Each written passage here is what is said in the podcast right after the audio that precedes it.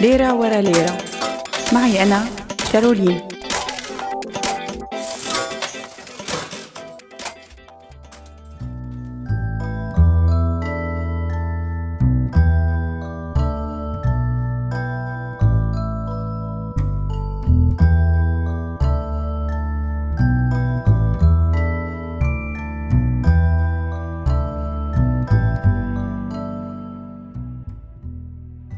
مرحبا معي أنا كارولين. وبفقرة اليوم من ليرة ورا ليرة رح وضح بعض الحقائق يلي ممكن ما تروق للبعض عن بعض المؤامرات يلي سمعتوها بعالم الاقتصاد العالمي ويلي اعتبرتوها صحيحة. بس هي مو هيك. أول هي النظريات هي الاحتياطي الفيدرالي يلي بيقولوا عنه البعض إنه هو شركة خاصة بتشتغل مشان أرباح البنوك. بس الحقيقة مو هيك. تحتفظ البنوك المستأجرة على المستوى الوطني الأمريكي بأسهم بالبنوك الفيدرالية التابعة إلها وبيوصلها جزء كتير صغير من هي الأرباح لهي البنوك. هذا الجزء من الأرباح بيوصل ل 6% من أسهم أرباح البنوك الإقليمية وهذا أصل نظرية المؤامرة هي هذا السهم ما بيمنح أي سيطرة على أنشطة البنك الإقليمي. فمثلا واحدة من السنوات راح 1.6 مليار دولار من الأرباح تبع البنوك للأعضاء. بينما تم تحويل المبلغ الباقي اللي هو 46 مليار دولار للخزانة الأمريكية. بالإضافة لهيك السياسة النقدية للبنك تتنفذ من فرعين مختلفين تماما وهدول الفرعين مختلفين عن النظام الاحتياطي الفيدرالي. بيشرف مجلس المحافظين على البنوك الإقليمية والسياسة النقدية وبيتكون من سبع أعضاء بيرشحهم الرئيس الأمريكي وبيوافق عليهم مجلس الشيوخ.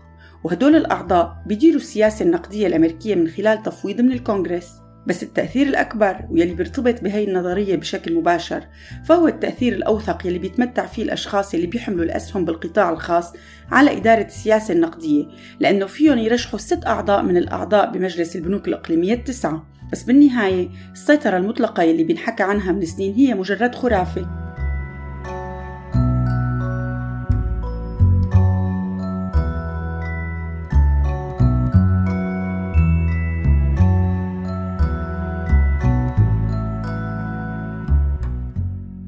المؤامرة الثانية اللي بيحكي عنها الكل فهي عائلة روتشيلدز.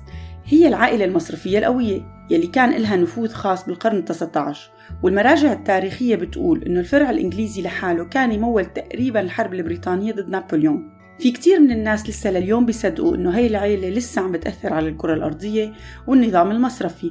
بس بالحقيقة من وقت طلعت هاي العيلة لليوم طلعت آلاف العيال الأقوى والمصالح الكتيرة المتداخلة. وأكيد إنه النشاط العام الأساسي لعائلة روتشيلد ما رح يكون بس العمل الخيري مثل ما عم بتحاول تسوق بعض المواقع بس السيطرة تبعهم ما مثل ما عم بتحاول كثير من نظريات المؤامرة تسوق. فحجم المشاريع اللي عم يشتغلوا فيها أو ثروتهم ما مثل قبل وما في أي دليل إنهم مسيطرين سرا على حكومات مثل ما بتحكي نظريات المؤامرة. اليوم العائلة كتير كبيرة وحتى في بعض الخلافات بينها وما في أفراد من هاي العائلة بأماكن بتخليهم يتحكموا بالاقتصاد العالمي. نظريات المؤامرة بالاقتصاد العالمي كتير بشكل كبير مشان هيك رح خبي بعضها للحلقات الجاية. ليرة ورا ليرة. معي أنا كارولين.